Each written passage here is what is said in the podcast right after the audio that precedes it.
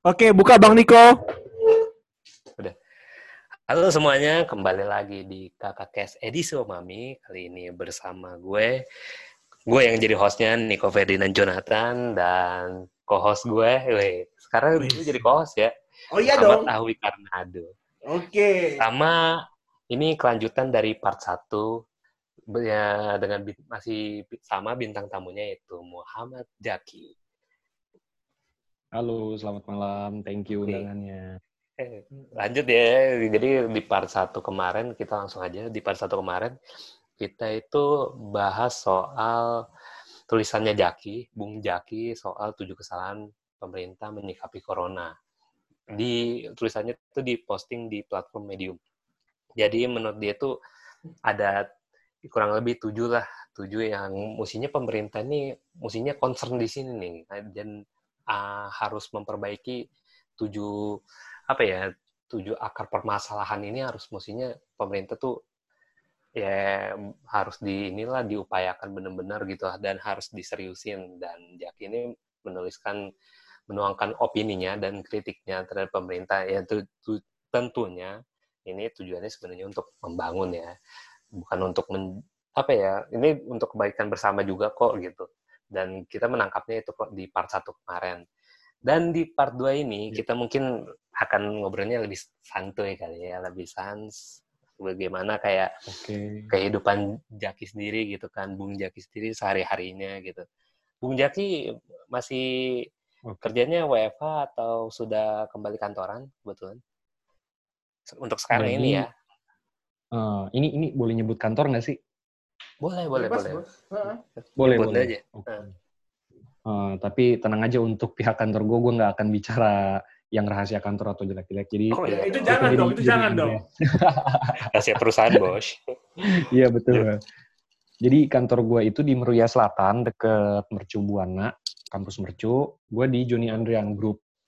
Gitu. Hmm. Jadi kalau kalian tahu Jeko, Ropan, terus Pretalk, sama Salon Joni Andrian itu kita satu grup.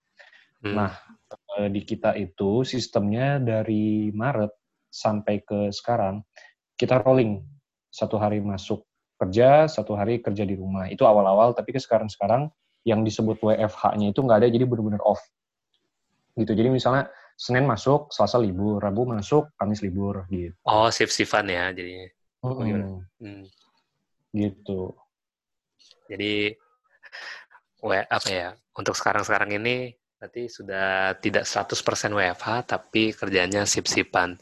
Itu Ya, betul. menurut lu efektif, Jak? Efektif dalam hal apa nih? Efektif dalam hal mencari cuan untuk perusahaan atau efektif menangkal corona nih? Ya, tentunya kan ini kan tujuannya sip-sipan kan supaya kan ya mengurangi eh, apa ya, lu sendiri terpapar virus corona ini kan. Heeh. Nah, gimana menurut lu kayak efektif kah kayak apakah justru kayak ah ini kayaknya ma- makin nggak bener nih maksudnya kayak gue semakin capek kah atau semakin kayak apa ya semakin insecure lah dalam keadaan dengan keadaan sekitar sekitar kantor gue gitu di mana wah mestinya ini kayak ah, sedikit nih yang kumpul kok malah jadi kayak mak- malah makin banyak gitu yang kumpul gimana Oke, kalau menurut gue pribadi ya, opini gue sendiri, Hmm. fine-fine aja sih gue dengan sistem kayak gini. Hmm. Fine-fine aja. Dalam hal dalam hal menangkal coronanya ya gitu. Karena Hmm. pertama gue sendiri belum ada perbandingan ngerasain yang tadinya di masa corona full sebulan masuk semua Senin sampai Jumat dibandingkan dengan sekarang yang rolling masuk kerja masuk eh, masuk libur masuk libur gue gak ada perbandingan tapi dengan sistem sekarang berjalan sih gue ngerasa fine fine aja. Toh gue eh, keluarga gue teman-teman terdekat gue di kantor gitu atau lingkungan rumah belum alhamdulillahnya belum ada yang terpapar juga. Jadi ya fine fine aja sih gue nggak merasa jadi Hmm. insecure gitu. Tapi justru dengan libur-libur kayak gini eh, dalam hal kerjaan gue sendiri merasa tersendat gitu. Jadi kayak yang harusnya ini bisa selesai besok nih kerjaan tapi karena Hmm. besok kan libur baru masuk lusa. Nah itu jadi kayak beban gitu iya. Iya Mhm. jadi mager jadi Hmm, mantap Iya, iya. sekali ini Bung Jaki lu jadi ya aja lu anjing Ya kan, kan gue co-host. Kalau co-host tuh apa sih? Iya Cuma. Kalau nyanyi tuh gue cuma suara kedua, Anjing. suara ketiga doang. Anjing. Backsound doang, backsound gitu. Backsound, backsound. Provider, kabelis, kabelis, kabelis gue, kabelis. Lu udah kayak ini ya, oper operator ya cuman kerjanya. Ya, udah. Yoi. Gitu. Tim Hore. Bener-bener, bener-bener. Jadi apa ya? em, jadi lu belum be- belum uh, ada dampak yang benar-benar signifikan ya dan lu merasa itu fine-fine aja ya buat lu ya yang shift-shiftan ini ya sistem kerjanya dan ya akhirnya ya lu cuman bisa jalanin aja gitu dan ya semoga ya oh, apa ya WFH eh, bukan WFH sih. Dan semoga kayak shift-shiftannya ini apa ya eh, jangan ter- jangan terus berlanjut. Atau lu pengennya ini kayak wah anjir ini kayaknya udah nggak efektif lagi nih buat gue gitu. Sampai sampai kapan gitu Hmm. kira-kira yang lu menurut lu efektif gitu? Eh, bicara soal ini pasti eh, ngelepas dari rutinitas gue di kantor ya. Karena gue di kantor ini kan sebagai legal legal permit gitu. Jadi Hmm. Gue nggak gue gue banyak juga intensitasnya ke lapangan ketemu orang dinas. Hmm, tapi mm-mm. ketika kita ketemu ya udah tau lah gitu nggak nggak perlu salaman tangan. Terus duduk pun agak sedikit direnggangin. Karena ngikutin ke aturan tempat atau kafe tempat kita ngobrol atau ruang meetingnya gitu kan sering udah di label X gitu kan jangan duduk di Iya. sini gitu. Jadi buat gue sih fine fine aja dan apakah ini perlu terus dilanjutkan ya pertama gue sih patuh sama peraturan pemerintah ya. Iya. patuh sama hukum lah gitu. Mau mau mau Yoi. dibilang new normal atau dibilang total lockdown ya hayu-hayu aja gitu loh sebagai warga negara yang baik. Gitu loh. Tapi kalau eh, apa namanya untuk skala besar skala nasional bukan soal nasib gue pribadi eh, menurut gue nggak bisa kayak gini kita perlu ada total lockdown untuk ngurangin angka sembari apa namanya ngegenjot produksi swab Hmm. test eh rapid testnya itu loh Hmm. Hmm. gitu karena buat buat gue pribadi ketentuan kayak gini nggak ada nggak ada hal yang dirugikan buat gue gitu loh gue sendiri tetap bisa apa namanya keluar masuk jalan tol dengan bebas gitu loh. Ke kantor pun gue cuman modal ekstra pakai masker karena hand sanitizer atau gel segala macam itu disediain. Terus apakah gue sakit atau enggak misalnya gue nggak tahu ada ada ada fasilitas pengecekannya juga kan gue mau masuk lobby itu kan ditembak suhunya kan. Iya, dicek suhu. jadi sebenarnya nggak eh, fenomena new normal seperti ini bukan big deal buat gue sih, biasa aja. Hmm. Hmm. Jadinya ter terkesannya ya udah lu kayak nerima aja gitu ya. Heeh. Nggak ada hambatan atau keberatan di gue sih. Hmm. Dan balik lagi nih Jack ke tulisan lo yang di part 1 itu kan lu udah jelasin soal ketujuh yang ketujuh kesalahan pemerintah itu kan Heeh. di antara ketujuh itu menurut lu nih ya, mana yang paling urgent gitu yang wah ini nih musinya yang harus segera diubah nih dan atau diperbaiki sama pemerintah. Dan ini musinya yang ben, yang benar-benar darurat deh wah gitu. Yang menurut lu itu yang yang part mana? Yang di nomor berapa kak? Jadi kita bisa me, ini lagi ya. Oke, Nah, kalau menurut gue terus- itu ada di poin nomor berapa ya? Nomor tiga, fasilitas kesehatannya. Gitu. Jadi Hmm, percuma kita menyiapkan perangkat peraturan, percuma kita menegaskan sanksi, percuma kita membenahi administrasi pemerintahan kalau ujung tombak penanggulangan coronanya dan dalam hal ini adalah fasilitas kesehatan, tenaga medis dan lain-lainnya itu kurang atau nggak siap. Gitu. Jadi eh, apa ya?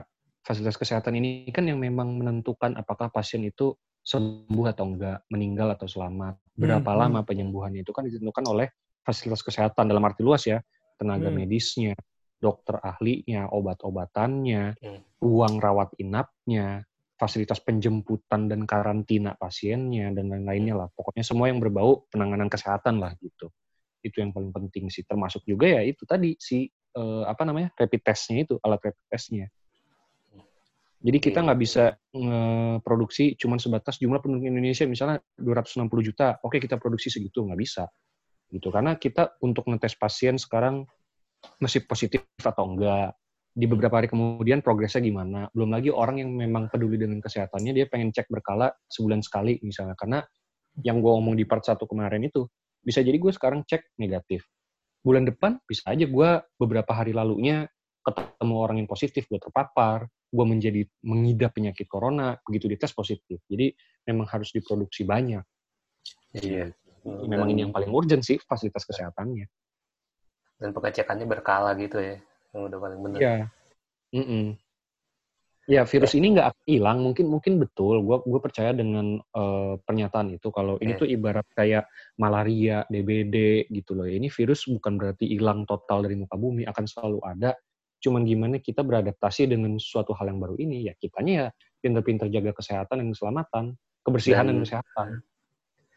dan ya kalau bisa ya data dari pemerintahnya itu ya kurva yang jadi korban ataupun juga yang pasien positifnya menurun sih Ya jadi kayak ya Hmm. jangan cuma naik terus tapi menurun dan ngomongin soal vaskes kebetulan tadi dok lu apa ya eh, lu kan podcast bareng sama tenaga medis itu dari Wuhan ya Hmm, Oke. Keren tuh, keren tuh. Ditarik gue. Gue suara iya. ketiga nih. Gue Baru suara ketiga nih. Ya, Eh, baru nih lu berguna kan jadi, jadi tadi kan dia kan si Edo ini uh, kebetulan podcast gitu dengan tenaga medis dari Wuhan yang Yoi. kebetulan dia udah balik ya udah balik dari Udah, ke udah. Indo nih ke, ke Indonesia dan udah di menjalankan apa ya proses karantina lah yang menurut dia itu kayak wah ternyata bukan cuma karantina tapi lebih ke tepatnya ke wajib militer gitu jadi jadi gimana do itu yang lu bisa ceritain tadi Ah iya, gue ngomongin yang singkat aja ya. Jadi tadi kan Hmm. gue podcast sebelum di sesi ini gue podcast sama namanya Juyanto. Dia sarjana kedokteran dan operasi dari Wuhan. Dia emang kuliah di sana dan waktu outbreak di hari ke-25 setelah outbreak, setelah dikeluarin bukti bahwa ini penyakit pertama kali di dunia, eh, dokter-dokter yang belum berpengalaman jauh, kayak misalnya koas atau baru setahun dua tahun gitu, eh, tidak boleh mengambil bagian penting di dalam penanganan orang-orang corona ini. Jadi emang harus harus yang berusia, yang berumur lah. Jadi setelah pernyataan tersebut, orang-orang Indonesia yang ada di Wuhan itu dibawa balik ke Indonesia. Mereka jalurnya pertama Hmm. dikumpulin dulu di Batam, dibawa pakai pesawat Batik Air, Airbus Bat- Batik Air, ditaruh di Batam, habis itu dicek, dibawa lagi ke Natuna pakai eh, Hercules. Di, di Hmm. Natuna itu lu harus tinggal di sana selama 14 hari. Jadi tinggalnya di tenda-tenda, tiap hari tuh dicek kalau misalnya ada penyakit atau tanda-tanda simptom langsung ditarik tuh sama orang militernya. Hmm. Gitu. Nah, setelah itu dibawa ke Jakarta selama 14 hari. Jadi by the way di di tempat tinggal itu lu tidak boleh eh, menggunakan HP di hari pertama, hari kedua karena takutnya lu nyebar-nyebarin beritanya di ini eh, di Instagram Hmm. gitu misalnya. Lu foto-foto tuh peralatan militer kan nggak boleh kan. Ya. Iya. Ya, habis itu habis 14 hari baru dibawa ke Jakarta. Kalau semua di di finalize bahwa semuanya normal, baru dibawa ke kotanya masing-masing. Jadi itu ceritanya dia. Jadi ya ceritanya sebenarnya kalau di, di digali lebih dalam adalah cerita ya eh, waktu pertama kali rilis panik, habis panik terus dia masuk ke Natuna juga kehidupan karena baru pertama kali dibikin base-nya untuk, untuk di, di- bukan pertama kali dibikin sih, baru dialih fungsikan untuk orang foreigner yang masuk ke Indonesia atau orang ex Indonesia yang dulu keluar. Jadinya ya kehidupannya menarik gitu ya karena kan minim apanya fasilitasnya minim banget. Kayak 100 orang toiletnya cuma dua, Bos. Oh gitu. Iya, Gokil. karena kan baru Bener dibikin kayak kan. wamil ya. Iya, kayak wamil, Bos. Dikasih baju, dikasih makan gitu, lu harus ngambil gitu. Dia taruh ditaruh makan ya lu ambil. Jadi kayak men- Hmm. menjauh gitu dari orang yang kasih makannya. Dan itu semuanya tenaga medisnya gitu pakai APD gitu. Maksudnya yang yang Hmm. berhadapan dengan nih yang baru pulang dari Wuhan ini. Mm-mm. Bahkan yang yang di batik airnya pun juga semua pakai APD, Bos. Semua Hmm. kecuali kecuali orang yang dibawa ke Indonesianya. Tapi Hmm. tapi pramugari, pramugara, pilot, semua pakai APD. Jadi lu dilayanin pakai APD. Hmm. Hmm. Ya, itu cerita singkatnya si Juyanto. Gokil. Jadi emang perlu di apa ya? eh, Kan lu bilang tadi kembali lagi gitu kan dia fasilitas kesehatannya ini kan nggak siap nih. Iya. belum siap menurutnya. Mm-mm. Eh, belum siap. Jadi apa ya yang yang bisa di apa ya di diperbaiki untuk sekarang-sekarang ini gitu maksudnya kan. Dan kebetulan yang di Jakarta itu tadi eh, bukan tadi sih kemarin si Pak Anies kan di- eh, sempat wawancara tuh kasih press conference katanya ada beberapa puskesmas yang tutup yang justru bukannya buka tapi tutup. Karena katanya dia tenaga medis yang di puskesmas itu udah terpapar terpapar covid. Akhirnya puskesmasnya ditutup. Bukannya bertambah apa ya paskesnya tapi justru malah Hmm. berkurang nih.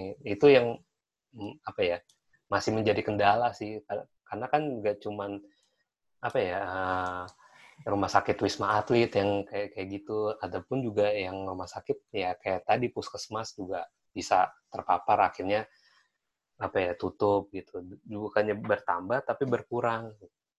Itu sih yang kayak masih disayangkan. Ya kalau alasan mereka menutup masih masih rasional sih masih masuk akal. Karena kemungkinan mereka itu untuk sterilisasi eh, peralatan lingkungan kerja si siapa namanya si karyawan yang terpaparnya itu kan. Jadi memastikan Hmm. steril terus baru dibuka lagi. Dan melihat karena hal ini mungkin dari jumlah tenaga medisnya juga berkurang menurut gua itulah poin pentingnya negara kerjasama dengan negara lain gitu jadi ketika kita lagi keteteran kayak begini nggak nutup kemungkinan kan bantuan datang dari negara lain Benar. jadi sebenarnya banyak jalan untuk memecahkan masalah, solusi atas setiap permasalahan negara gitu. Namanya juga kita join PBB juga, kita punya Iya. ASEAN juga gitu. Jadi kan eh, ya ya ini gue berdasarkan kesotoyan aja gitu ya. Gue nggak ngelihat dokumen ratifikasinya, habis itu poin-poin kerjasamanya antar negara itu seperti apa. Tapi ya Hmm. itu ini bukan hal yang impossible gitu loh. Kita minta tolong entah dari segi dana, impor peralatan kesehatan, atau tenaga medisnya yang didatangkan dari negara lain itu kan bisa gitu loh. Sangat disayangkan sih di saat begini fasilitas kesehatannya malah berkurang bukan bertambah. Iya. Dan juga emang kita kan juga sebagai masyarakat juga emang butuh sih. Lagi-lagi butuh untuk ya pemer- meriksa kesehatan ini menjadi satu hal yang wajib sekarang ya. Bukan kalau dulu kan kayak ya udah kayak lu mau check up ya kalau lu istilahnya ya lu benar-benar ada punya gejala kenapa-napa gitu. Kalau sekarang pun juga yang tanpa gejala juga mesti dicek ya gitu. Iya, betul. Dan orang yang mau ke fasilitas kesehatan kan bukan cuma yang corona. Orang yang Iya. diare, orang yang masuk angin, Iya. orang yang sakit-sakit lain kan juga tetap butuh, tetap ada. Mm-mm. Gitu. Jadi emang vaskes ini emang hal, apa ya suatu hal yang urgent juga ya dari dari gue juga emang saat apa ya urgent juga sih karena emang dan rumah sakit pun sendiri pun juga nggak semuanya itu nerima pasien covid kayak misalkan kakak gue kakak gue kebetulan tenaga medis di rumah sakit swasta. Kebetulan rumah sakit swastanya ini dia nggak nerima pasien covid. Jadi ketika dia emang sih pasti dia nerima dulu dan menampungnya di UGD jadi kalau misalkan ada pasien gejala gejala covid itu datang dia pasti ditampung dulu ke UGD dicek dulu wah ini kayaknya ada tanda-tanda covid nih. Pasti Hmm. dia langsung dirujuk ke rumah sakit yang nanganin. Biasanya sih rumah sakit RSUD gitu rumah sakit umum yang punya pemerintah ataupun ke Hmm. Wisma Atlet jadi dia cuma menampung di UGD baru ditransfer lah istilahnya gitu ditransfer ke RSUD dan ya emang gimana ya yang kayak gitu-gitu kan juga bisa diinin juga mana kenapa lu dok Nggak aja. Karena waktu lu cerita ini, ntar, ntar ada cerita yang yang gue pengen ceritain juga mengenai Oke. Iya. keterbatasan vaskes kita. Iya, nggak nggak apa-apa sih dok. Gue juga udah udah ini. Jack lu gimana? Ada yang mau ditambahin? Nggak ada sih, gue masih masih menyimak lah sharing-sharingnya kalian. Mantap. Nah. jadi gimana dok? Jadi eh, waktu beberapa hari yang lalu kan gue muter-muter ya, muter-muter Jakarta. Sorry nih untuk semua yang dengerin. Nggak tahan juga gue. Habis itu gue ngobrol sama ngobrol sama ah, kayak gojek-gojek gitu lah orang-orang yang narik-narik mangkal. Karena kan kalau udah stres kan lu pengennya ngobrol sama siapa aja kan. Ngobrol. Hmm. Terus di salah satu dari pembicaranya itu ini cukup menyedihkan dan menyeramkan ya. Jadi di kampung kalau misalnya terkena gejala gejala gejala aja nih gejala COVID kan harus dibawa ke rumah sakit kan. Tapi karena mereka di kampung, mereka tidak mendapatkan akses uh, terhadap peralatan atau penanganan COVID tersebut. Jadi mereka waktu dibawa ke klinik, klinik berkata kalian harus ke provinsi atau kota gitu loh. Karena di situ ada penanganannya. Sedangkan kalau dihitung-hitung dari jarak kampung dengan provinsi kan jauh ya. Eh, Uh, selama proses itu lu udah nyebarin ke mana, udah nyebarin virusnya ke mana-mana. Asumsinya kalau emang beneran corona. Jadi di dari teman-teman mas-mas yang gue ajak ngobrol itu ternyata orang-orang kampung itu punya tindakan yang sangat ekstrim di mana kalau mereka mendapatkan gejala corona, gejala baru gejala doang dan tidak memungkinkan untuk pergi ke rumah sakit di kota, mereka itu pergi ke hutan, Bos. Mereka pergi ke hutan, Oh, terus mereka bilang sama keluarga, sebelum mereka pergi ke hutan, mereka bilang sama keluarganya, kalau 14 hari papa nggak balik, berarti Balik. papa udah tiada, udah tiada.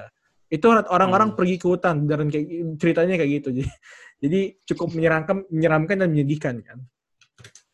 Ah, Dan- iya, iya. Dan iya. satu kasusnya itu emang beneran dari temen-temennya dia gitu dan eh, dia kena gejala corona, dia pergi ke hutan. Namun dari obrolannya adalah asumsinya dia tidak meninggal karena corona, karena diasumsikan tidak corona, tapi diasumsikan karena meninggal karena nggak ada makanan kan di hutan atau tidak bisa beradaptasi gitu loh.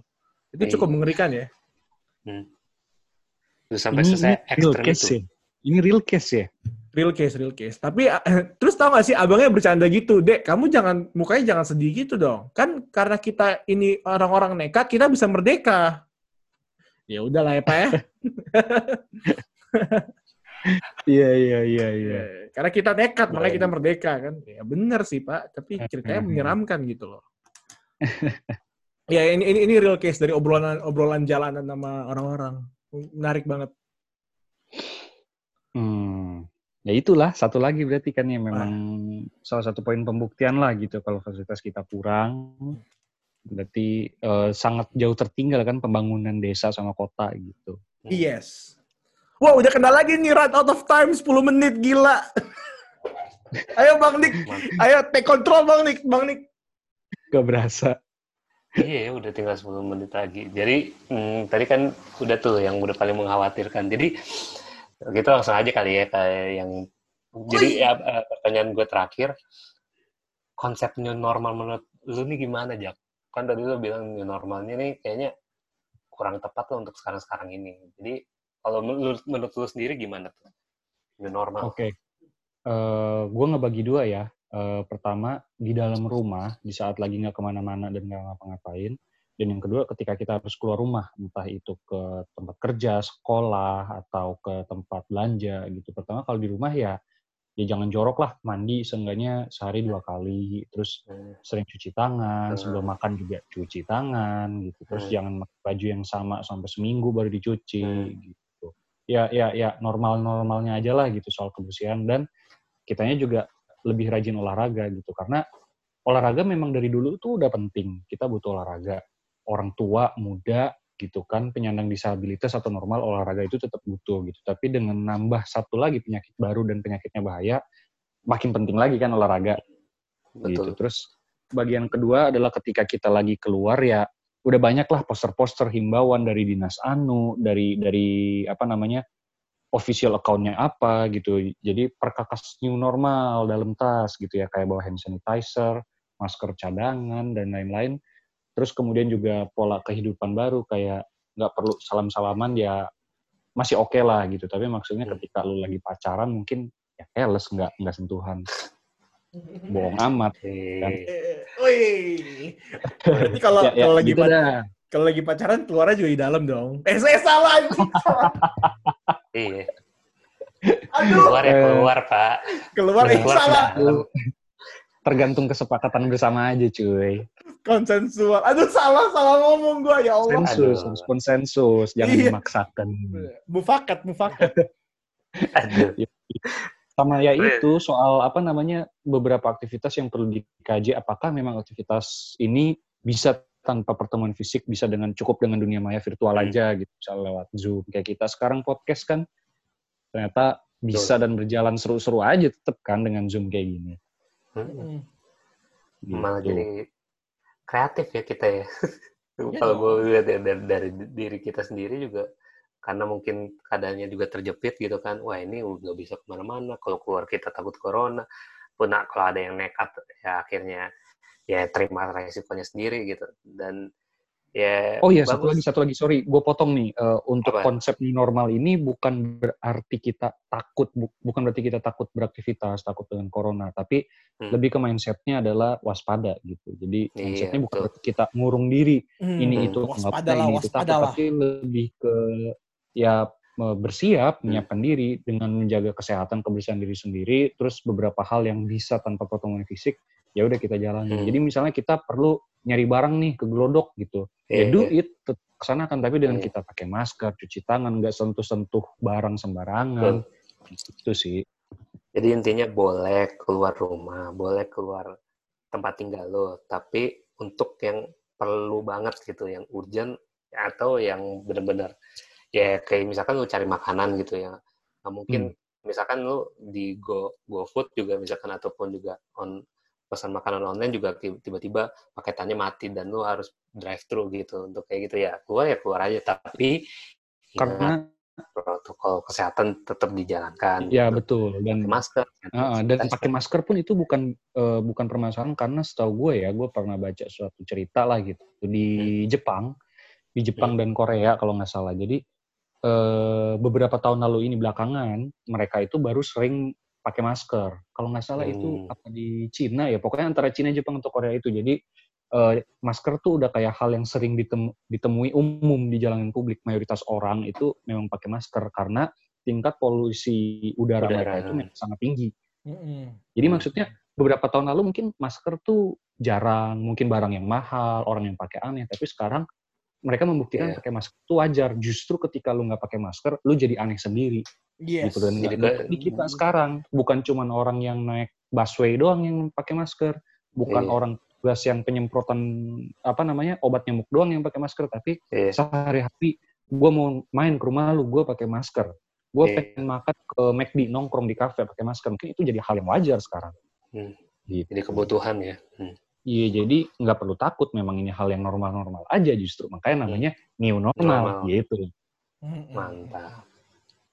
Gokil sih. Dan emang harus ini ya, maksudnya selain protokol kesehatan juga harus dijalankan. Dan kalau misalkan emang lu keluar rumah kalau ada perlunya, tapi di new apa gara-gara PSBB ini kita juga eh kalau gue sendiri ya pribadi itu belajar untuk manage keuangan dengan baik sih, terutama pengeluaran sih. Kalau gue justru hmm. malah mungkin ada beberapa yang selama PSBB justru mereka belanja online-nya makin giat.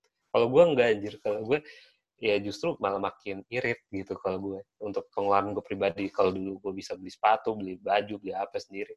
Kalau ini kan emang nggak ke mana-mana, jadinya kayak ya nggak ada aja gitu. Dan juga kalau makan kan bisa di rumah. Jadi untuk gue pribadi bener-bener mengatur gitu dan mengatur ekonomi gue gitu dan pun kalau bisa hmm. kalau ke mana-mana ya tetap protokol kesehatan dijalankan. Dan satu lagi kalau misalkan mau olahraga ya gimana ya kan ada tuh olahraga enggak nih. Pakai mata pas olahraga. Kemarin gue baru uh, ada case di di komplek rumah gue kan di perumahan gue itu ada pesepeda meninggal gara-gara pakai masker. Katanya dia sesak napas habis itu langsung meninggal. Dan itu emang maksudnya ya kalau lu pengen keluar rumah untuk olahraga dan uh, sekarang lagi pandemi gini ya gue nggak menyarankan untuk uh, lu olahraga terus di rumah ya. Lu kalau misalkan emang bosen udah pengen keluar rumah dan emang kondisi di lingkungannya memungkinkan untuk olahraga ya silahkan untuk nggak pakai masker. Tapi uh, kembali lagi ya kalau misalkan lu keluar rumah resiko terpapar corona itu lebih gede daripada lu di dalam di dalam rumah gitu. Jadi kalau misalkan hmm. pun kalau lu pengen olahraga ya silahkan ya tapi ya resiko ditanggung sendiri. Kalau misalkan lu olahraga nggak pakai masker ataupun juga olahraga nggak hmm. pakai masker intinya lu kayak ketika lu misalkan jogging ataupun sepedaan lu rame-rame gitu di contohnya kayak case-nya di CFD kemarin ya lu siap-siap aja untuk terpapar gitu karena resikonya lebih gede kan kalau olahraga yeah, di rumah betul. ya jauh lebih efektif sih. Dan itu sih kalau eh kalau itu itu sih menurut gue kayak misalkan ya emang harus diperhatiin lagi new normal konsepnya dan juga hmm, jadi emang apa ya corona ini kan nggak bakal menghilang nih yang kita upayakan kan cuma penurunan angka positif jadi ya puji eh, mudah-mudahan ya corona ini emang segeralah berlalu dalam tanda kutip ya jumlah kasus positifnya menurun.